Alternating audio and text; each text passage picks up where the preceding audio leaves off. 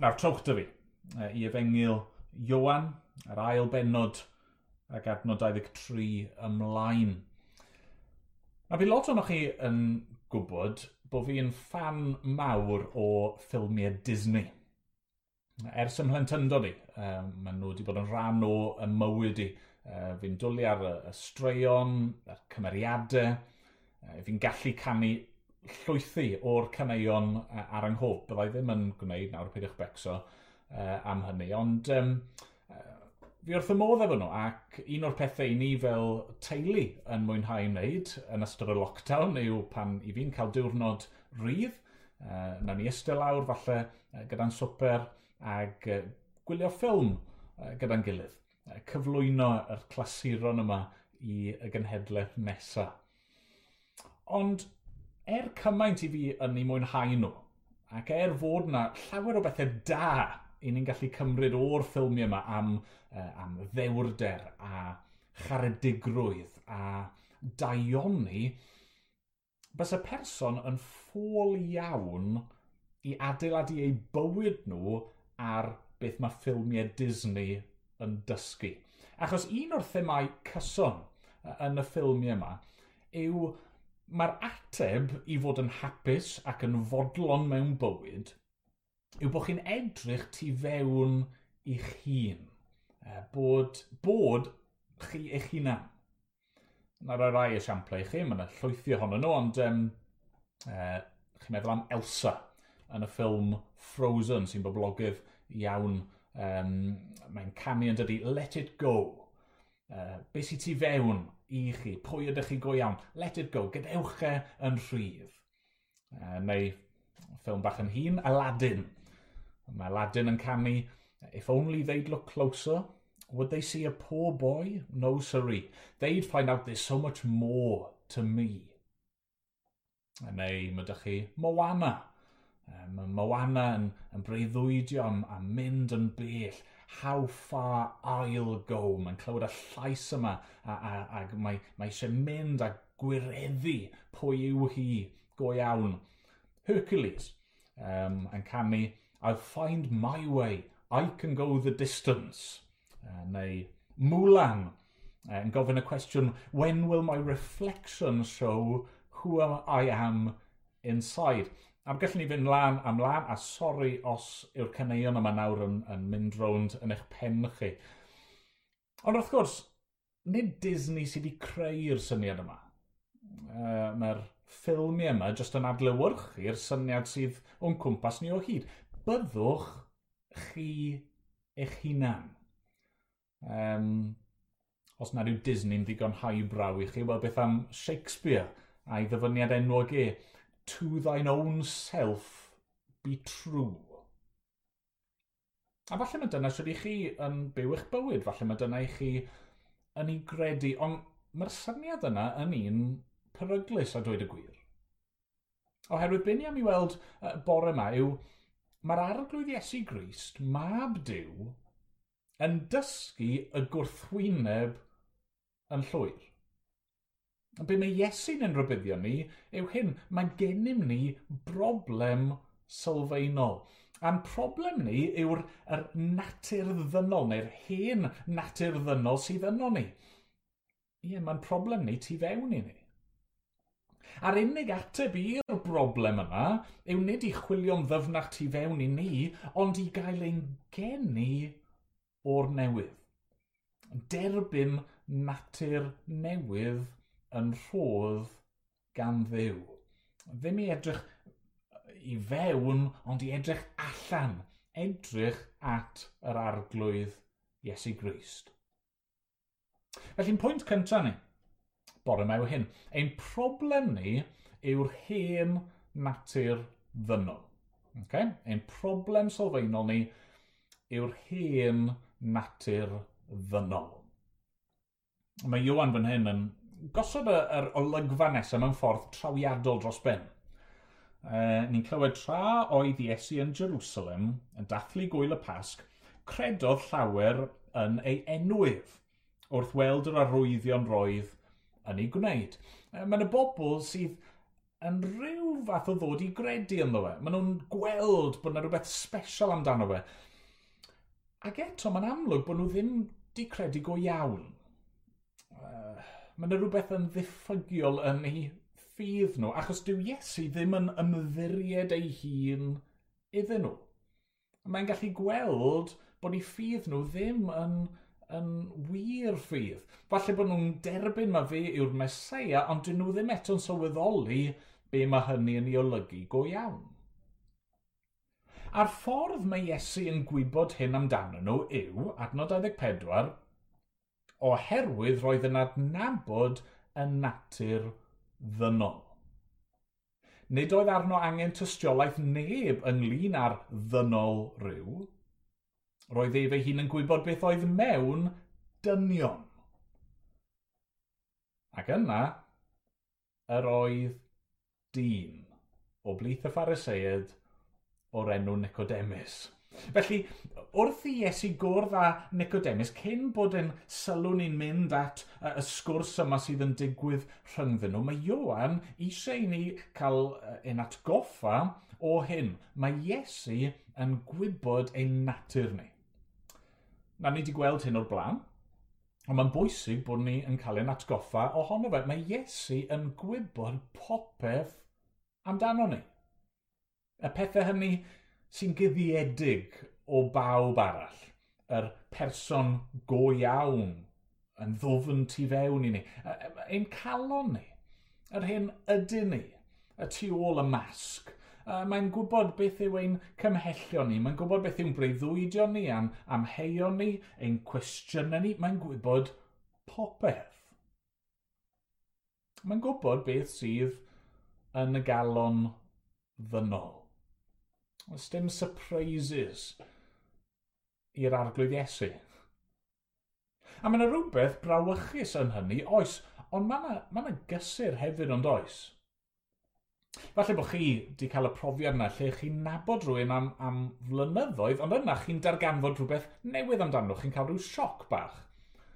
Oedd ffrind y fi, ffrind da iawn yn y coleg, o'n i'n ffrindiau, um, wel, un o'r ffrindiau pennau am, am y tair mlynedd yna yn y brifysgol, ond oedd e ddim am flynyddoedd wedyn nes i fi ddarganfod bod ganddo fe alergedd i gnau.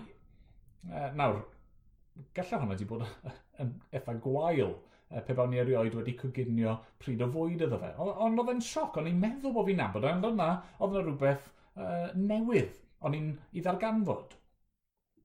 Neu falle bod chi wedi cael y profiad yna o, o briodi ac uh, chi wedi dod i nabod eich, um, eich gŵr neu'ch graig chi cyn priodi, ond yna uh, ar ôl i chi briodi, ar ôl i chi uh, ddechrau byw dyn nhw, chi'n darganfod pob math o bethau newydd. Uh, chi'n darganfod bod nhw yn chwyrnu efallai uh, neu chi'n darganfod bod nhw ddim uh, mor hoff o Lord of the Rings ac o'n nhw'n rhoi'r argraff cyn i chi briodi, neu e, falle bod chi'n ffindo bod nhw rhyw habit bach, ond chi ddim yn gwybod amdano fe o'r blaen. A mae'r pethau yma newid y ffordd chi'n gweld nhw. Ond yw hynny ddim yn wir am Iesu, a'r ffordd mae fe'n ein gweld ni. Achos mae fe'n gwybod y cwbl yn barod. Mae'n gwybod beth sydd yno ni. E, mae e yn adnabod y natur ddynol. Roedd ef ei hun yn gwybod beth oedd mewn dynion. Stym perygl bod ni'n mynd i ddod at Iesu, credu ynddo fe, i ddilyn e, ac yna bod e'n troi rownd a dweud, o, o, dal mlaen, o'n i ddim yn gwybod hwnna amdano ti. O'n i ddim yn gwybod bod ti mor wael â hynny. Ddim o gwbl, mae e'n gwybod yn well na ni. Pa fath o bobl ydyn ni go iawn. A mae e dal wedi'n caru ni.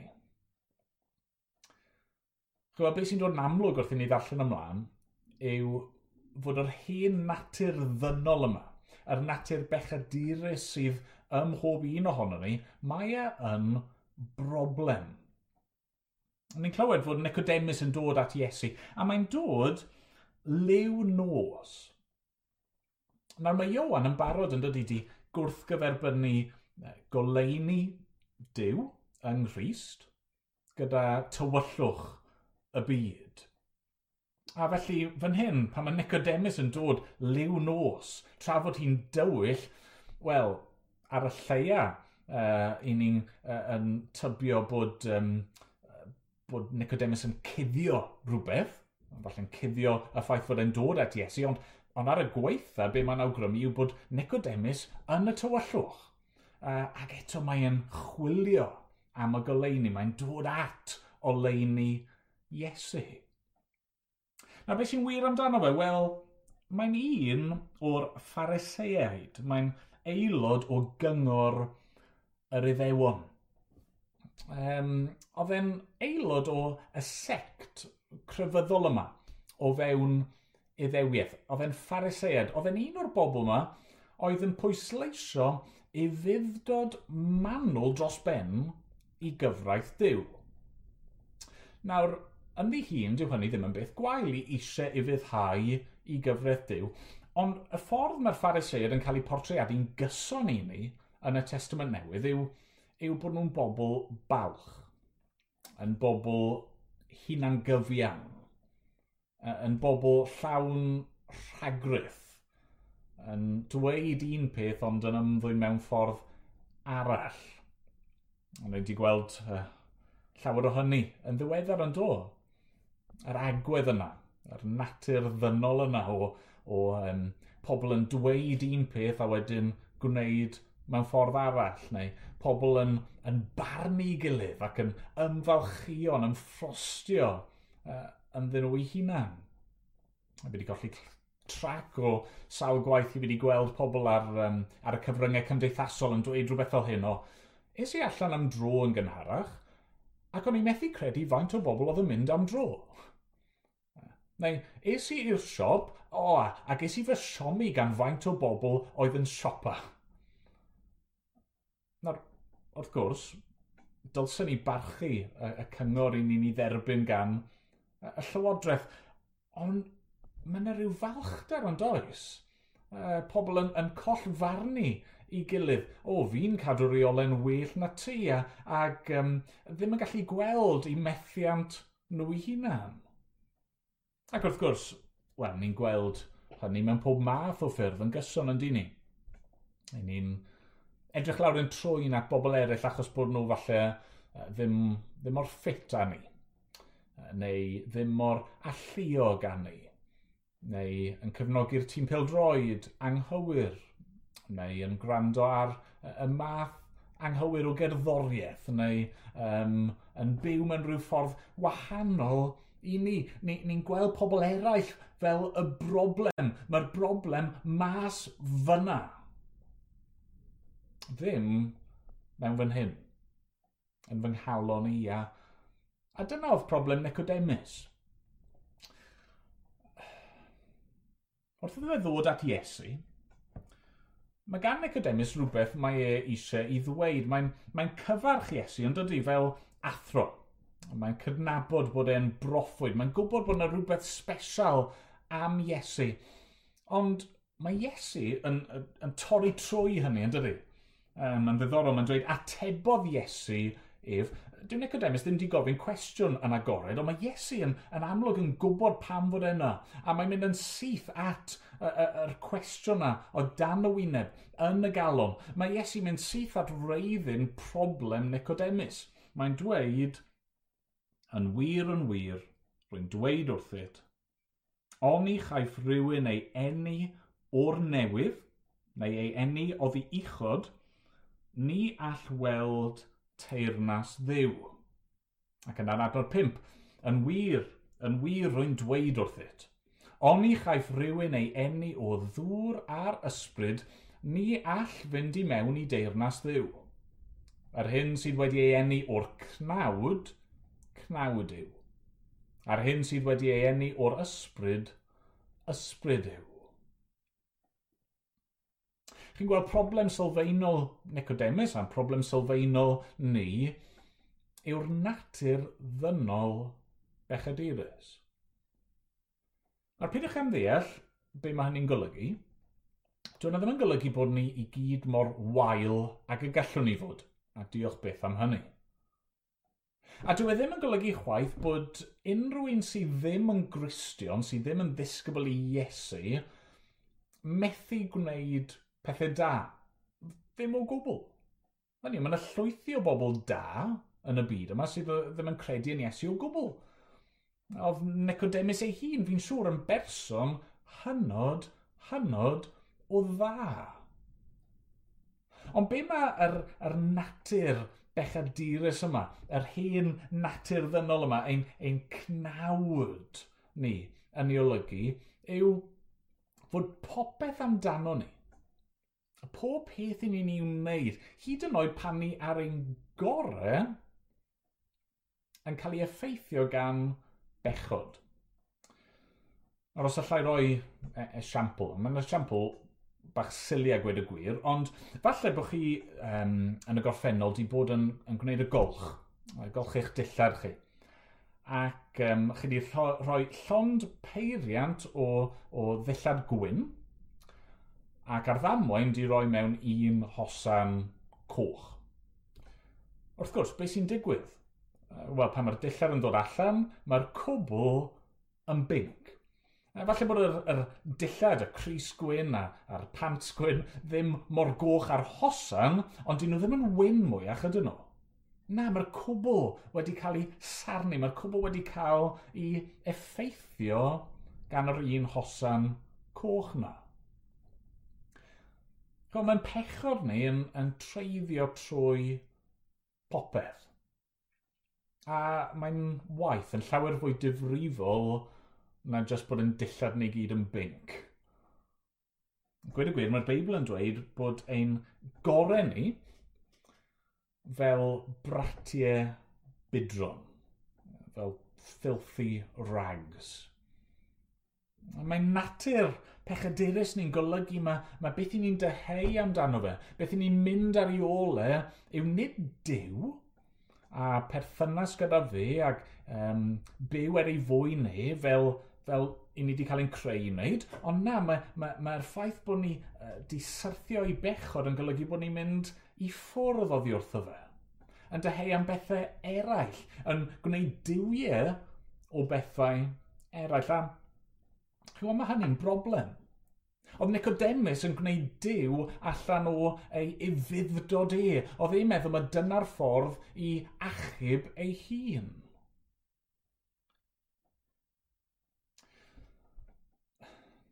Chwa, mae hwn yn broblem enfawr.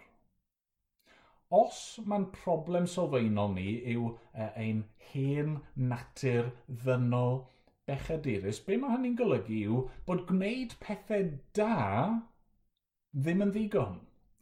I ni ddim yn gallu um, dileu ein drygioni ni trwy wneud daioni, achos mae hyd yn oed ein gorau ni wedi effeithio gan bechod. I ni ddim jyst yn gallu newid yn y nerth yn hun, ni ddim jyst yn gallu codi rhyw ddydd a dweud, wel, fi'n mynd i stopo pechu. Credwch fi, triwch e. Newch chi fethu dwi ddim jyst yn fater fel, fel mae Disney yn dweud o, o ffeindio yr, yr fi go iawn, neu y fi gorau, y fersiwn gorau ohonoch chi yn eich calon chi. Na, achos fy nghalon hi yw'r broblem.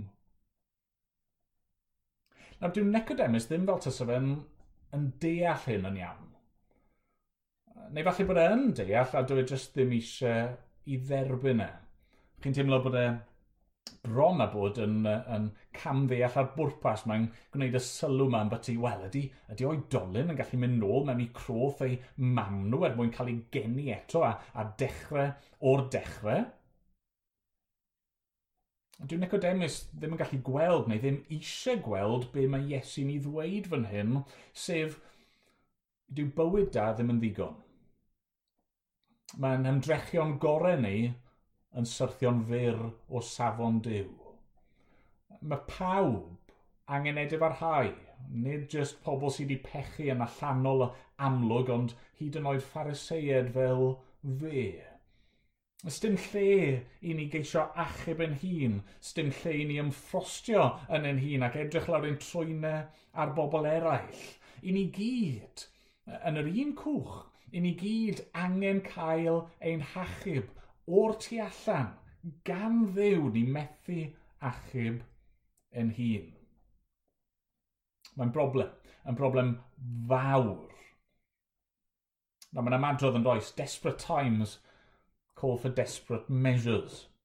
A ni wedi gweld rhyw elfen o yn y lockdown yn do. Y Llywodraeth, Llywodraethu'r byd, di penderfynu fod hwn yn broblem difrifol, a felly mae angen gweithredu mewn rhyw ffordd uh, ddifrifol desbryd a, a, a cael lawr cymdeithas.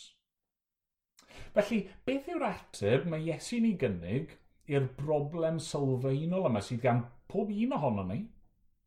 Yr hen natur ddynol bechadurus. Wel, yr ateb, wrth gwrs, yw bod angen natur newydd.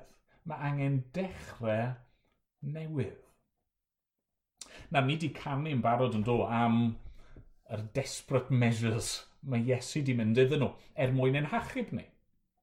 Wrth ni gannu yn carol neu yn gynharach, gathen ni'n atgoffa fod Iesu, y diw ddyn, wedi dod i'r byd, fod e wedi dod fel plentyn, y, y gair wedi dod yn gnawd.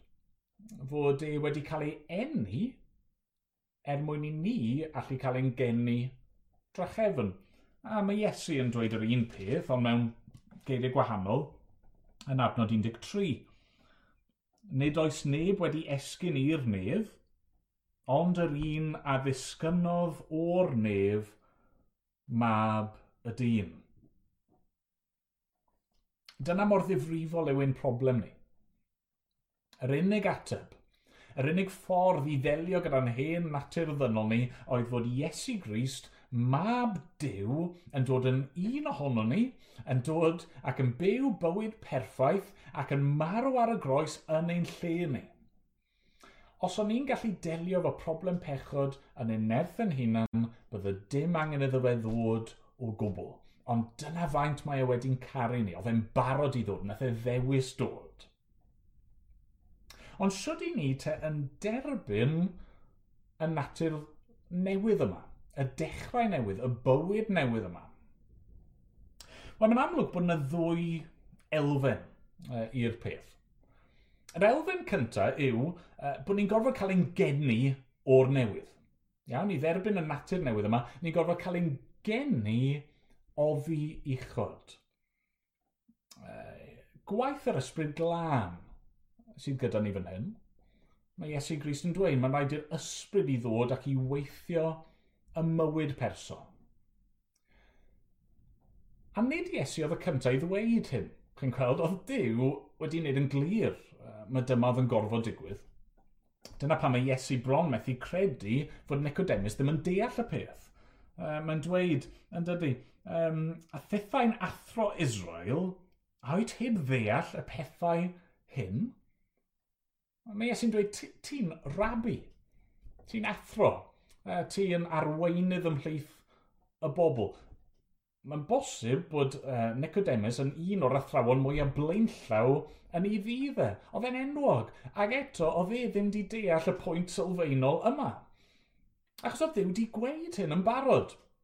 Ni wedi cyfeirio at y peth yn barod, uh, y gweud y gwir, yn, uh, yn ein um, cyfres ni yn Iwan. Nes i gyfeirio o'r blaen at Ezekiel, penod 36. Ni'n darllen y geiriau yma teunellaf ddŵr glân drosoch i'ch glanhau, a byddwch yn lân o holl aflendid ac o holl eilinod. Rhof i chwi galon newydd, a bydd ysbryd newydd ynoch. Tynaf allan ohonoch y galon gareg, a rhof i chwi galon gig. Rhof fy ysbryd ynoch, a gwneud i chwi ddilyn fy neddfau, a gofalu cadw fy ngorchmynion. Hynny yw, ddim wedi dweud wrth i bobl, chi yn, yn methu cadw fy nghyfraith i, achos mae'ch calon chi fel tas fe o gareg yr hen natur ddynol pechadurus yna. Chi'n galed. Ond mae Dyw yn addo fyna trwy Ezekiel bod e yn gallu ein newid ni o'r tu fewn yn gallu gweithio y mywydau bobl er mwyn ei, ei glanhau nhw, ei, ei gylchu nhw uh, fel petai a, a dŵr glân o'i holl aflendid nhw a, a roi calon newydd iddyn nhw, natur newydd, a'i llenwi nhw ar ysbryd glân mewn ffordd byddwn ni galluogi nhw i ddilyn ei ochmynion. Nid dilyn y gorchmynion er mwyn cael ei geni o'r newydd, ond cael ei geni o'r newydd er mwyn dilyn y gorchmynion. A felly mae Iesu'n dweud wrth Nicodemus fan hyn, dyma'r unig ffordd i weld teirnas ddiw. Dyma'r unig ffordd i fod yn un o'i bobl arbennig e. Mae'n rhaid i'r ysbryd glân i ddod ac i weithio yno chi a'ch geni chi o'r newydd. Rhoi natur newydd yno chi um, fel bod chi yn, yn galw allan. Bywyd newydd fel babi yn dod o'r grof. A mae yna ddirgelwch fan hyn yn does. A mae Iesu'n cydnabod y ddirgelwch. Mae'n dynyddio yr gymhariaeth yma o y gwynt. Mae'n dweud, mae'r gwynt yn chwythu lle y mynd, roedd yn clywed ei sŵn, ond ni wyddost o ble mae'n dod nac i ble mae'n mynd, felly y mae gyda phob un sydd wedi ei enni o'r ysbryd chi'n clywed y gwynt, chi'n gallu gweld effeithiau'r gwynt, Chi'n methu gweld y gwynt ei hun, chi'n methu rheoli y gwynt, chi'n methu deall y ffordd mae'n mynd na pam fod e'n mynd lle mae e. A mae Iesu'n dweud fel na mae e gyda gwaith yr ysbryd glân yn dod ac yn gweithio yn y galon. Ond yna, yn gysylltiedig gyda'r elfen gyntaf yna, mae gennych chi ein ymateb ni. Sut ni'n cael yr, yr natur newydd yma, wel, ni'n cael ein genio'r newydd ac, ac fel babis ni'n galw allan ac i ni'n credu. I ni'n ymateb mewn ffydd. Mae'n dyheadau ni di newid nawr o y byd yma a, a phechod a pethau'r byd ac i ni yn gweld nawr yn eisiau ni'n dyheu am fyw. A felly mae Iesu'n dweud um, bod y rai sydd yn, yn cael ei genio'r newydd yn credu. Ac i wneud i bwyntau, e, mae Iesu'n cyfeirio sylw Nicodemus at rhan arall o'r Hen Testament, sef Llyfr Numeri, penod 21. Nawr, dim amser dyn ni edrych ar yr hanes yn, yn fanwl fan hyn, ond yn syml, petawch chi'n troi a byddwn ni'n annog chi'n neud nes ymlaen, uh, niwmeri 21, beth sy'n digwydd yw hyn? Uh, Mae'r Israeliad yn gwrthryfela yn erbyn Dyw, unwaith eto. Uh, dyna patrwm ni'n gweld dro ar ôl tro, mae Mae Dyw yn achub i bobl ac yna maen nhw yn gwrthryfela, wedyn mae'n trefnu ffordd i'w achub nhw a maen nhw'n i ddilyn e, wedyn yn gwrthryfela ac yn y blaen ac yn y blaen. Wel, maen nhw wedi gwrthryfela a'r tro yma, mae Dyw yn anfon seirff neu nadredd, gwenwynig i'r gwersyll i'w plith nhw. Ac os oedd person yn cael ei brathu gan un o'r seirff yma, bydden nhw'n marw. Oedd Dyw yn dangos difrifoldeb i gwrthryfel nhw. Oedd e'n dangos beth yw canlyniad pechod, sef marwolaeth. Ond yn ei drigaredd, yn ei gariad e, mae Dyw hefyd yn trefnu ffordd i waredu i achub unrhyw un oedd yn credu. A be mae'n neud yw, mae'n mae, gorchymyn i Moses i gymryd, um, wel, i wneud sarf o bres, metal ac i godi y sarff yna ar ben polyn. Ac yna, petai rhywun yn cael ei brathu, yn cael ei gwenwyno, yn sylweddoli fi yn mynd i farw a heblaw bod uh, dew yn, yn ymyryd ac yn fy achub i, tas nhw wedyn yn troi ac yn edrych mewn ffydd ar y sarf bres, bydden nhw yn byw. Bydden nhw yn cael eu gwella, yn cael eu achau. fel y dyrchafodd Moses y sarf yn yr anialwch. Felly mae'n rhaid i fab y dyn gael ei ddyrchafu. Er mwyn i bob un sy'n credu gael bywyd tragwyddol ynddo ef. A be mi Iesu yn dweud fan hyn wrth Nicodemus yw, yw fod y digwyddiad yna, y digwyddiad hanesyddol yna, yn Niwmeri 21, fod e'n gysgod ohono fe i ni gyd wedi cael ein gwenwino gan bechod, yr hen natur ddynol yna sydd yn arwain at farwolaeth. Ond mae Dyw yn ei ras ydy trefnu ffordd yn awr i ni gael ein gwella. I ni angen edrych, nid at sarf, pres, ond at Iesu. Mab y dyn. Na'r unig ffordd yw bod e yn cael ei ddyrchafu, yn cael ei godi nid ar bolyn, ond ar groes. Mae'n ddiddorol yn dydy. Oedd y sarf bres yn edrych fel y broblem, yn edrych fel sarf go iawn. A dyna oedd yn wir am Iesu. Wrth iddo fe farw ar y groes, mae'r Beibl yn dweud fod e wedi dod yn bechod drosto ni mae'n dod i edrych fel y broblem, ydydi? Mae'n marw marwolaeth roedd pechaduriau dan farn diw yn ei heiddi. Mae'n profi uffern ar y groes yn cael ei gosbi gan y tad. Mae'n mae profi y farwolaeth mae pechod yn arwain iddi, er fod e ei hun yn ddibechod. Ar y groes mae'n hen natur ddynol ni, ein cnawd, pechadurus ni yn cael ei groeshoelio gyda Christ. A nawr trwy gredu ynddo fe, i ni'n derbyn ei natur ddynol newydd perffaith e. Trwy ffydd ynddo fe ni'n derbyn maddeiant pechodau, trwy credu ac edrych arno fe i ni'n derbyn bywyd tragwyddo sy'n dweud, dyma'r unig ffordd. Heb i hyn ddigwydd i chi, chi methu gweld teirnas ddiw, chi methu dod at um, yr arglwydd a cael perthynas gyda Dyw. I chi'n gorfod, ie, cael eich geni o'r newydd. Yr ysbryd glân yn gweithio yn eich calon chi sydd yn achosi i chi i alw allan mewn ffydd, i ymateb a chredu yn yr arglwydd Iesu Grist. Mae yna rhywbeth gwych fan hyn, ond does. Meddyliwch am y peth am funud. Os i ni'n methu ennill cariad diw, ond ni'n methu colli cariad diw chwaith ydyn ni.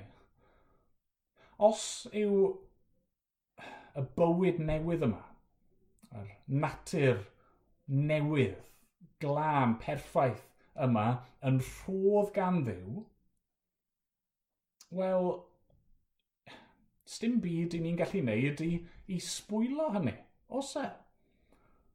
I ni ddim yn gorfod mynd trwy'n bywyd ni o awr i awr yn ofni, wel, ydw i'n ddigon da? Ydw i wedi gwneud digon? Ydw i'n dderbyniol gan ddiw? Na. Na'r cwbl i ni'n gallu wneud yw credu a derbyn rhodd Dyw trwy ffydd. Edrych ar Iesu, credu ynddo fe, ymddiried yn ei aberth e drosto ni. Dyna'r her oedd yn cael ei roi i Nicodemus. Oedd Iesu'n dweud wrtho fe, troi ffwrdd o dy bechod di. Falle bod ti ddim hyd yn oed yn ymwybodol o dy bechod di, ond ond trwy ffwrdd nawr o dy, dy falchder di, dy ragrydd di, dy hunan gyfiawnder di, sylweddola nawr, heblaw bod yna newid sylfaenol yn digwydd yn dy galon di, heblaw dy fod ti'n credu yno fi, ti ar goll. Ti'r un mor ar goll ag uh, a'r cenhedloedd a'r pechaduried yna ti'n edrych lawr dy drwy'n di arnyn nhw. Och chi'n be?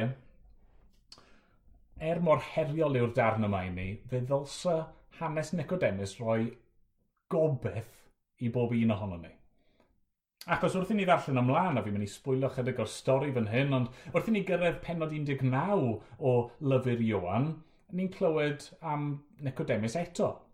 Ond ni'n clywed amdano fe unwaith eto hefyd, ond uh, ym mhenod 19, ar ôl i'r arglwydd Iesu gael ei ddyrchafu ar y groes, ar ôl iddo fe ddelio gyda'n pechod ni trwy farw yn ein lle ni, ar ôl iddo fe orffen y gwaith yna, mae gorffen cael ei gymryd i lawr. Mae yna ddau ddyn yn, yn mynd â'i gorffau ac yn ei osod e mewn bydd. Joseph o Arimathea oedd un. Pwy oedd y llall? Nicodemus. Y phariseiad yna. Nath ddechrau mor araf, mor fiddeall, mor styfnig. Ac eto, yn y diwedd, mae'n ymddangos fod e wedi dod i gredu, i weld fod e'n methu achub ei hun, ond dyma un sydd yn gallu achub i'r eithaf. Mae yna obeth chi'n gweld i bob un ohono ni. Dyw'r gobeith yna ddim yno fi. Ddim, uh, ddim y ffordd a ddew i wi chwilio yn ddyfnach ac yn ddyfnach yno fi. Na, mae'n rhaid i fi edrych mewn ffydd at yr arglwydd Iesu. Mae'n rhaid i'r ysbryd glân i ddod ac, ac mae'r ysbryd nerthol yma'n gallu gwneud i waith ym mhob un ohono ni, unrhyw un ohono ni. A mae'r gwahoddiad yma nawr i unrhyw un i gredu yn y mab ac i dderbyn bywyd trwy ddo fe. Diolch iddo fe. Amen. Amen. Wel wrth i ni orffen yn oedfa ni, ni'n mynd i gannu emyn efo'n gilydd ac uh, bydd yn amlwg pam i fi wedi dewis yr emyn yma i orffen. Uh, Mae'n cyfeirio uh, ein sylw ni at Iesu ac um, y ffordd fel y sarff yna yn yr anialwch, y ffordd gafodd Iesu i godi ar y groes er mwyn ein achub ni, yn iachau ni a rhoi bywyd i rai sy'n credu ynddo fe.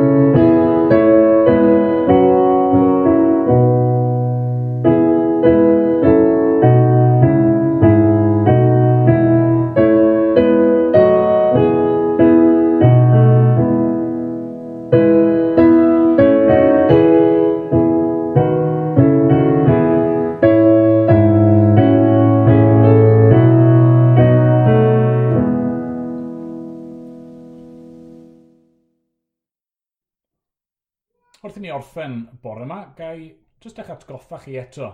Uh, os i chi fel Nicodemus a chwestiynau yw holi, chi eisiau gwybod mwy. Mae lle mae'r hyn chi wedi clywed bore yma, neu um, anghynt, neu yn eich darllen personol chi. Please, cysylltwch â ni, byddwn ni wrth ein bodd fel eglwys yn ceisio ateb eich cwestiynau chi. Yna ni weddio nawr i orffen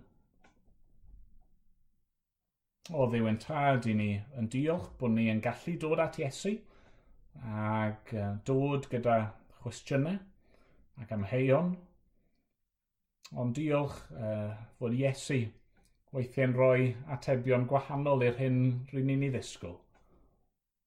Diolch fod e yn cynnig bywyd a gobaith i unrhyw un. Rhain i ohono ni sydd uh, falle'n ymwybodol iawn o'n hangen ni, rhai ni ohono ni sydd hyd yn hyn yn meddwl bod ni'n hollol uh, saff yn barod a bod dim angen unrhyw beth uh, yn ychwanegol arno ni o arglwydd. Gad i ni nawr, bob un, i ddod mewn ffydd ac i edrych ar yr arglwydd Iesu ac i gredu ynddo fe. Arglwydd derbyn y mawl a'n diolch ni gyd yn awr, ti yn unig sy'n ei heiddiau. Amen bod ni'n dod yn enw Iesu. Amen. Amen.